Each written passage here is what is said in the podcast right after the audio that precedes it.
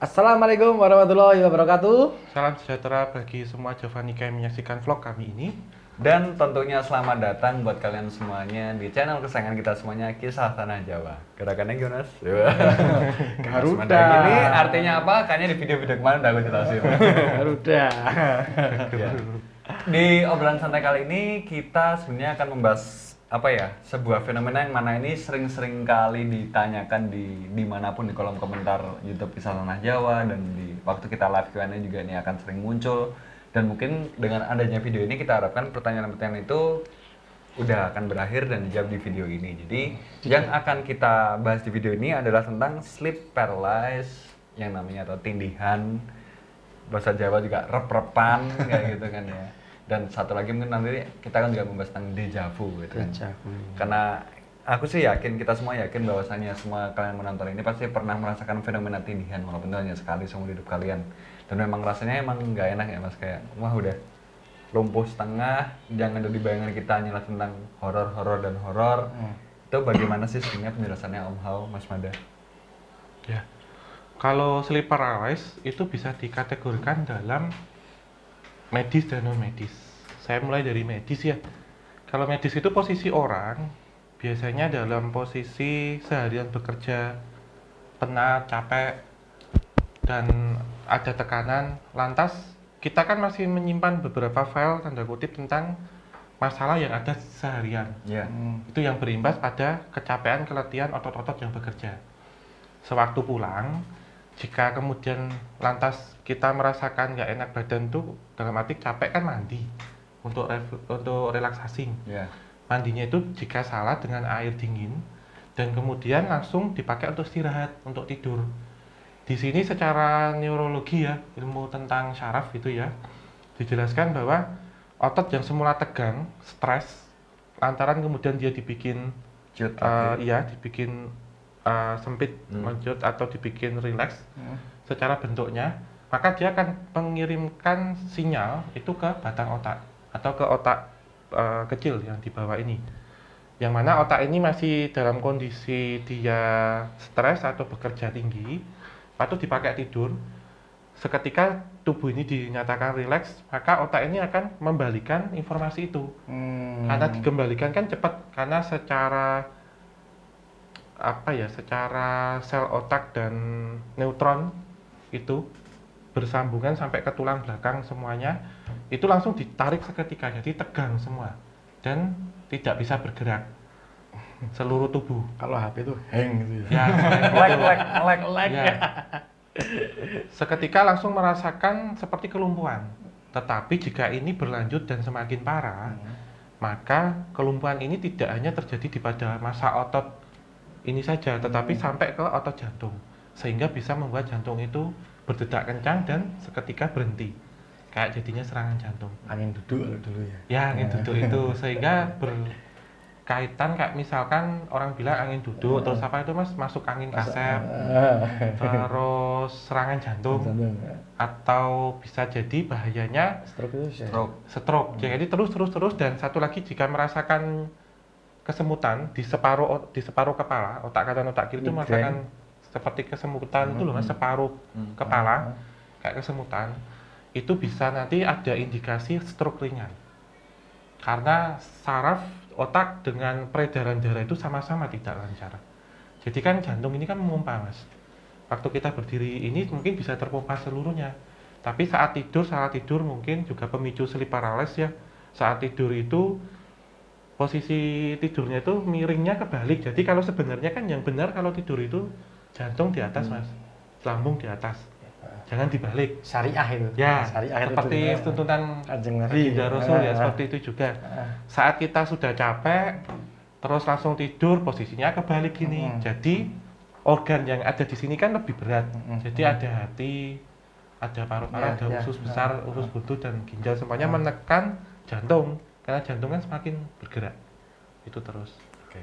Itu yang secara Medis. Medis. Ya. Jadi- Sekarang kalau yang dari secara non non medisnya. medisnya itu. Jadi begini, bisa kita kaitkan. Jadi dengan yang pertama itu orang capek itu kan emosi. Ya. Emosi itu tidak selamanya marah. Tapi saat emosi ini auranya berubah dan menyerap, Hmm. atau Hmm. menimbulkan interesting Hmm. bagi sosok astral, sosok astral ini akan mengikuti. Mengikuti atau dia ingin mendekat atau ingin interaksi. Kapan hal itu yang paling mudah? Ketika mau tidur. Hmm. Nah kalau sudah capek, mungkin dari tempat-tempat yang angker aja sekalian. Pulang langsung tidur tanpa cuci tangan, tanpa cuci kaki, tanpa mandi. Karena dianjurkan kalau mandi itu sebenarnya air hangat kalau Iya. mandi. Tanpa ganti baju plus langsung tidur. Apa yang akan terjadi? Sosok astral ini akan mengajak interaksi melewati alam bawah sadar sewaktu kita akan tidur. Tetapi sleep paralysis yang terjadi adalah justru malah keberuntungan atau lebih bagus. Sebab jika tidak terjadi sleep paralysis, maka sosok astralnya akan masuk ke alam bawah sadar, bisa tercipta di situ mimpi buruk. Atau kita berasa diajak pergi jauh ke mana, atau kalau yang masuk itu sosoknya peri yang terjadi pada laki-laki, bahasa. biasa itu.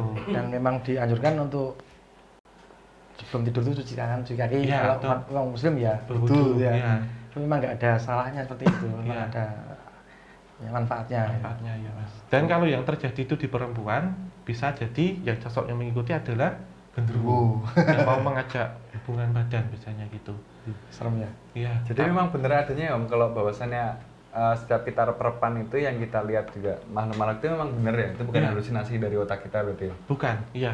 Tapi kalau kejadiannya di unsur medis dengan medis, perbandingannya mungkin dua banding 8 mas. Dua itu sleep paralysis, paralysis secara Medis. medis secara ada kontraksi syaraf, Mhm.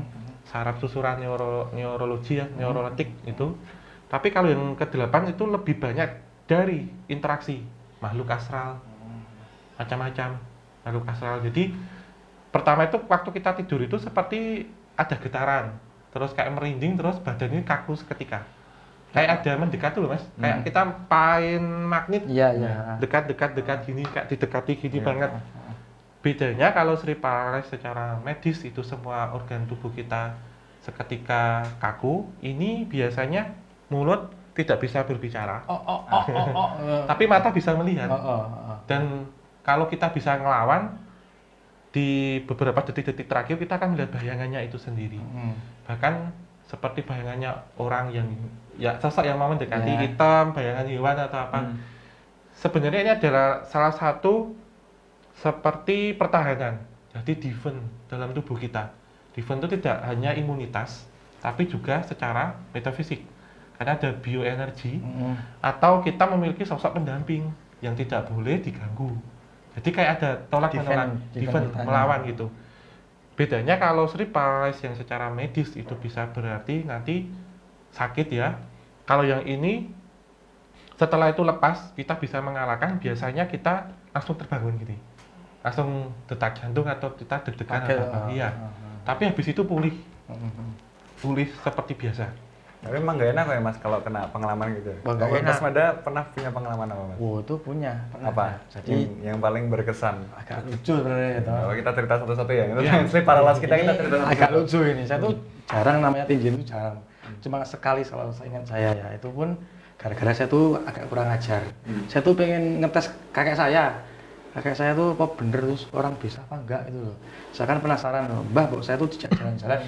Jalan-jalan ke mana gitu kan, Mbok jalan-jalan alam gaib. Waktu saya masih remaja itu masih kecil itu. Ke mana ke alam gaib? Oh ya sudah, berani, berani. Ya, gitu. Ya sudah besok kapan-kapan tak ajak gitu eh ternyata suatu malam itu jam setengah sepuluh lah itu kan masuk saya masih sekolah waktu itu tahu-tahu tidur saya di antara antara sadar dan tidak sadar itu tiba-tiba kakek saya tuh di depan pintu di depan di depan pintu kamar saya suasananya udah berubah saya tuh kayak ditarik tangannya kayak mau disendal tarik. Tuh. ayo jadi jalan-jalan enggak sampai tiga kali saya oh, oh, takut tuh bener. Itu suasana udah aneh kok itu.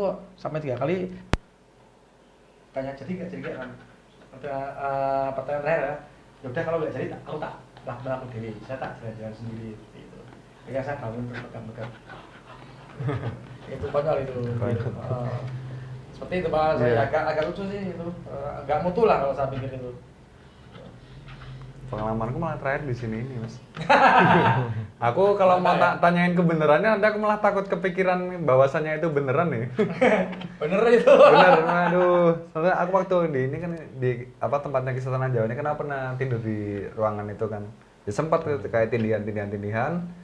Terus waktu udah sadar dan aku ngebalik ke sebelah kanan nih udah ada cewek rambutnya panjang gini ketawa. Wah gitu. Langsung langsung bangun untung udah setengah enam pagi kan jadi ya udah langsung langsung bisa nggak tidur lagi. Tapi itu beneran Om? Iya. Bukan halusinasi. Bukan, itu benar. Waduh.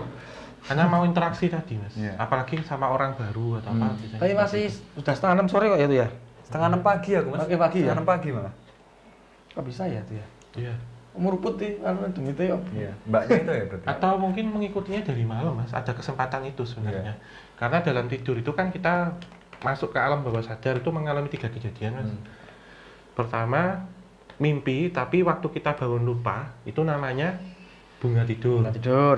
Mimpi tapi waktu kita bangun kita ingat dan seperti Hmm. merasakan itu namanya perjalanan spiritual. Ah. Yang terakhir adalah mimpi, tapi sebelum mimpi itu kita terbangun. Dan yang aneh kita melihat diri kita tertidur. Iya. Lalu iya, kita iya. pergi ke mana? Ah, itu Rogo namanya rogo sukmo atau astral projection. Projection. Iya. Oke, sebelum kita ngebahas tentang dejavu nih, aku mau nanya kalau Om sendiri pengalaman sleep paralysis paling mengerikan apa Om? Kan kita kan Iya. Pernah penasaran ya pasti. Pernah. ya? Saya waktu itu sleep paralysis yang pernah saya lakukan, eh pernah saya alami itu ini yang paling mengerikan aja ya Mas ya. Iya. Di rumah saya yang lama. Waktu saya masih SMP malah. Nah, pacar-pacar itu ya. Ah, waktu saya masih usia 13, 4 tahun, 14 tahunan lah. Rumah saya yang lama itu kan dulu orang tua kan punya usaha. Lantaran kemudian dicurangi atau dikirimi teluh gitu ya. Waktu itu saya tertidur, Mas. Waktu itu saya tertidur. Terus ya seperti yang saya rasakan itu seperti ada yang mau datang. Itu kayak suara gemuruh-gemuruh datang ke saya terus seperti mau nyekik gini. Nyekik gini. Terus saya kan nggak bisa gerak gini ya, namanya gini berapa terus. Tangan saya beruntung saya saya baca baca doa sama apu saya. Tak gini mas tangan tuh ya nggak boleh gini. Terus berhasil saya angkat tak angkat gini yang saya kagetan saya lihat gini mas. Ini putus mas. Oh, tangan doang. tangan saja tapi tangan ini berbulu. Berbulu semua jadi kayak genderuwo gitu dan dia Kukunya panjang. kukunya panjang-panjang. Tak gini terus hilang kening gitu hilang terus saya membalikan badannya karena saya Hmm. ini terus saya tidur membalikan badan. Dia nongol lagi dari bawah. Ini mas dari bawah kolong. Iya. sama kasusnya kayak gini mau nyengkran terus. Akhirnya itu terus akhirnya saya bangun saya ambil wudhu mas. Tapi rasanya sama jadi nggak bisa. Bahkan saya dulu bisa semalam mengalami lima kali sleep paralysis. Lima sampai tiga kali lah. Apalagi kalau misal eh, saya habis investigasi. Walaupun itu nggak pergi ke tempatnya mas. Saya lupa mungkin cuci tangan atau apa. Itu saya tidur langsung merasakan suara itu. Jadi pernah yang di depan muka saya gini langsung ada yang pernah menindih kaki di dada. Sosoknya tinggi gede juga pernah. Dan pernah seperti cerita bahwa sewaktu saya tidur itu di sebelah ini waktu saya sleep paralysis dan saya menengok di sebelah ini saya tidur bersama pocong waktu itu Tapi by the way Om, maaf. ada nggak sih Om kayak sleep paralysis yang dia waktu sleep paralysis justru malah tidak menimbulkan ketakutan tapi menimbulkan energi positif tuh ada nggak? Tidak ada, Mas. Nggak ada ya. Tidak ada karena sleep paralysis itu sebenarnya energi positif dari kita yang memancar, Hmm. tapi tidak kita kita yang dimaksudkan kita serap ya. Iya. Energi yang kita mau masuk ke kita ini kan mau interaksi dan negatif, jadi ditolak kan. Jelas ditolak. Jadi kayak kita mau masangin magnet, Hmm. tapi dia magnet yang kutubnya searah. Hmm. Jadi kan ini tuh Iya. gitu. Dan kalau dia nempel malah malah masuk, nggak ada sleep paralysis malah masuk. Soalnya aku mau cerita tentang sleep paralysis yang tentang rumah itu, tapi takutnya nanti kalau kita sebut namanya malah Datang. Datang oh, lagi. Komentarnya bilang tidak, jangan dia iya. ketakutan. Jadi nggak usah Oke, siap bro. karena Gimana? wah, sebegitu Pa- Parano, anu, parno ya. ya, stereo pendengaran dia soalnya. Ya udahlah nggak usah diterima. Tapi itu itu menurutku udah itu cukup cukup mengerikan sih zamanku waktu dulu uh, proses pembuatan film itu sempat kecapean dan bermimpi tentang doi gitu kan itu udah. Wah, udah. Oke, itu tentang si Palas ya. Sedikit aja tadi mungkin eh, penjelasan medisnya dari Om sih menurutku udah cukup cukup masuk akal. Itu rasanya kayak kita mengalami sebuah penyakit terus kita nyari di Google dan kita ketakutan kayak gini rasanya. terus sekarang membahas tentang deja vu. Bagaimana sih Om How deja vu itu sebenarnya bisa terjadi? Deja vu itu berasal dari bahasa Perancis. Deja vu Deja vu. yang berarti melihat terlebih dahulu. Terlihat atau melihat terlebih dahulu ini disebut deja vu dan pernah menjalani beberapa tes oleh seorang filosof dan ilmuwan berasal dari Prancis yang menyimpulkan bahwa ada beberapa faktor terjadinya deja vu. Ada empat. Pertama, faktor secara psikologis yang mana orang ini kepingin banget ke tempat itu misal atau kepingin banget ketemu orang itu Terobsesi. terobsesi. Yang kedua, seringnya melamun. Yang ketiga ini ada depresi di tekanan uh, pikiran. Yang keempat, deja vu yang dimaksud ada sebagian dari prekognisi atau me- me- me- apa ini mas? eh, prediksi. memprediksi suatu peristiwa yang akan terjadi. Seperti begini, misal kita merasakan ketemu atau pernah ke suatu tempat yang dulu belum sama sekali kita ke situ untuk pertama kalinya. Jadi pengertian deja vu adalah perasaan di mana kita merasakan tentang seseorang atau tentang suatu tempat yang sebelumnya belum sama sekali belum pernah bertemu atau belum pernah mengunjungi tempat itu tetapi kita seperti terlebih dahulu sudah atau telah berada di tempat itu. Jadi misalkan saya ketemu sama Mas Genta sama Mas Mada, hari ini kami baru bertemu. Tetapi saya sudah merasakan ini 10 tahun yang lalu. Oh kok saya nggak asing ya ketemu Iya. gitu. Atau oh hari ini kita ini ngobrol. Jadi seperti sudah sudah ada dapat gambaran itu sifatnya early edition Tergambar. di depan tergambar gitu dalam beberapa penjelasan kalau yang pertama itu karena keinginan yang terlalu atau terobsesi itu kan setiap hari akan terulang-ulang misal kita ingin wisata ke suatu tempat kan sudah tercetak di dalam ini Mhm. tempat ini seperti ini tempat ini seperti ini terus terbawa ke alam bawah sadar Mhm. terbawa ke alam tidur Mhm. jadi kita mimpiin bisa jadi orang itu juga lebih ke orang juga bisa Tapi Om Hao, bener nggak sih kalau katanya orang yang sering deja vu itu sebenarnya dia adalah indigo itu sebenarnya benar apa enggak? Karena ini sering-sering Iya, iya. kita dengar juga Iya. ya, sering-seringan kayak gini. Iya, kalau itu tidak bisa dinyatakan demikian, bisa karena dinyatakan. orang biasa pun bisa. Tetapi kalau gambaran yang dimaksud dengan berkaitan dengan keindigoan ataupun prekognisi, biasanya gambaran itu berbeda. Gambaran ini lebih jelas dan terasa seperti 3G, seperti 3D, langsung melihat. Langsung. Tidak perlu pakai tidur, bisa langsung seperti ini dapat gambaran. Jadi prekognisi kan kebalikan dari retrokognisi. Hmm. Kalau retrokognisi menyimpulkan dan analisis dari peristiwa masa lalu yang pernah terjadi. Tapi kalau pre itu adalah memprediksi Memprediksi. peristiwa yang akan terjadi, bukan yang akan datang tapi yang akan terjadi. Sebenarnya begitu. Jadi terkadang orang mimpi melihat maaf ya seperti bencana terus kejadian atau melihat pernah ke mana. Contohnya seperti waktu kita melamun di antrian misal. Di antrian melamun, oh kok hari ini persis ya seperti baju yang saya pakai atau apa karena ini terjadi dari seringnya kita melamun. Jadi daya khayal ini fantasi menimbulkan halusinasi. Itu mas. Seperti itu. Mas Mada ada tambahan lagi? Apa? Sebenarnya deja vu itu menurut saya normal dan Normal. Tidak sesuatu hal yang spesial. Iya. Iya. Karena terkadang banyak orang men- menspesialkan dirinya hanya karena sering deja vu ya, juga. ya, itu termasuk halusinasi yang dibuat Halusinasi. ya. Jadi terkadang hari ini juga banyak orang terobsesi untuk bisa melihat masa depan, Hmm. melihat ini. Saya saya konteskan melihat Mas, bukan memprediksi. Hmm. Kalau prediksi kan perkiraan. Tapi hari ini memang banyak orang yang seperti itu. Kemudian dihubung-hubungkan. Oh, ini terjadi ini. Saya sepertinya pernah di sini masa lalu. Sesungguhnya kalau orang yang benar-benar prekognisi itu lebih diam. Tidak Diam. menganggap deja vu karena deja vu itu hanya penelitian sebenarnya dari 100 orang sampel yang dilakukan penelitian secara psikologi dan secara uh, ilmuwan orang Prancis tadi dan secara uh, apa namanya filosofis filosofi itu seperti apa dikaitan sampel-sampel ini di- ditemukanlah deja vu yang berarti melihat terlebih dahulu atau merasa ada di lebih dahulu gitu. Selain tadi tadi berarti lah ini ya mas sebuah teknik untuk menghi- menghibur diri sendiri ya. Iya. Bahwasanya aku adalah superhero. bisa seperti itu sih. Sebenarnya kan otak ini kan hebat sekali ya. Iya. Apa yang kita gunakan itu baru berapa? 20 persennya. Ya, ya. Hmm.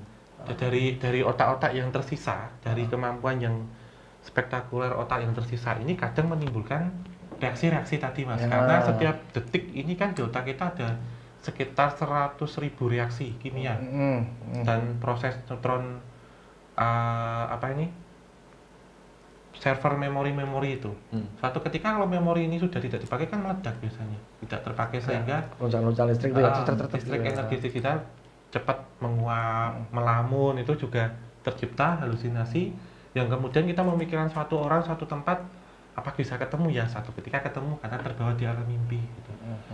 Impen-impen. Ya. Seperti itu. Jadi seperti itu ya Mas Mada Om Hao ya mungkin yang untuk Dejavu dan ini mungkin udah sedikit cukup menggambarkan lah bahwasanya kalau kalian sering sering apa mengalami dejavu ya jangan jangan Ya biasa aja. biasa aja gitu Kata lah. kata orang Jawa itu ojo gumunan, ojo penginan, ojo apa satunya lagi? Ojo penginan, ojo gumunan, ojo Gitu ya. ojo apa? Cinta salah, lupa lah ya. Lupa. Lupa, ya, semakin malam semakin lupa. Hmm, hmm, Udah. Semakin jam jam 12 ya, satu jam ya. Oh. Iya. Jadi kayak gitu teman-teman semuanya ya. Eh, semoga apa yang udah kita bagikan ini di Keguguran, Sleep Paradise. Kagetan ya. Ya. apa aja apa? Ojo gumunan, ojo penginan, ojo kagetan. Eh, biasa aja. Slow, sekut. Oke, lanjut. Oke, oke. Maaf, maaf. Terus kan closing mau kita mau bahas lagi. Oh, sudah sudah sampai 12 ya ini. Saatnya kita kerja lagi nih. ini udah tengah malam juga mungkin ya mungkin di obrolan santai kali ini mungkin sekil sekiranya cukup eh, pembahasan kita tentang sleep paralysis dan mungkin dehavu dehavu Dejavu. dejavu Dejavu. dejavu semoga ini bisa menjawab ini ya rasa penasaran kalian selama ini di yang selalu menanyakan kepada kita di kolom komen kolom komentar atau di live Instagram semoga ini bisa menjadi panduan kalian tentang sedikit pembelajaran tentang apakah itu sebenarnya.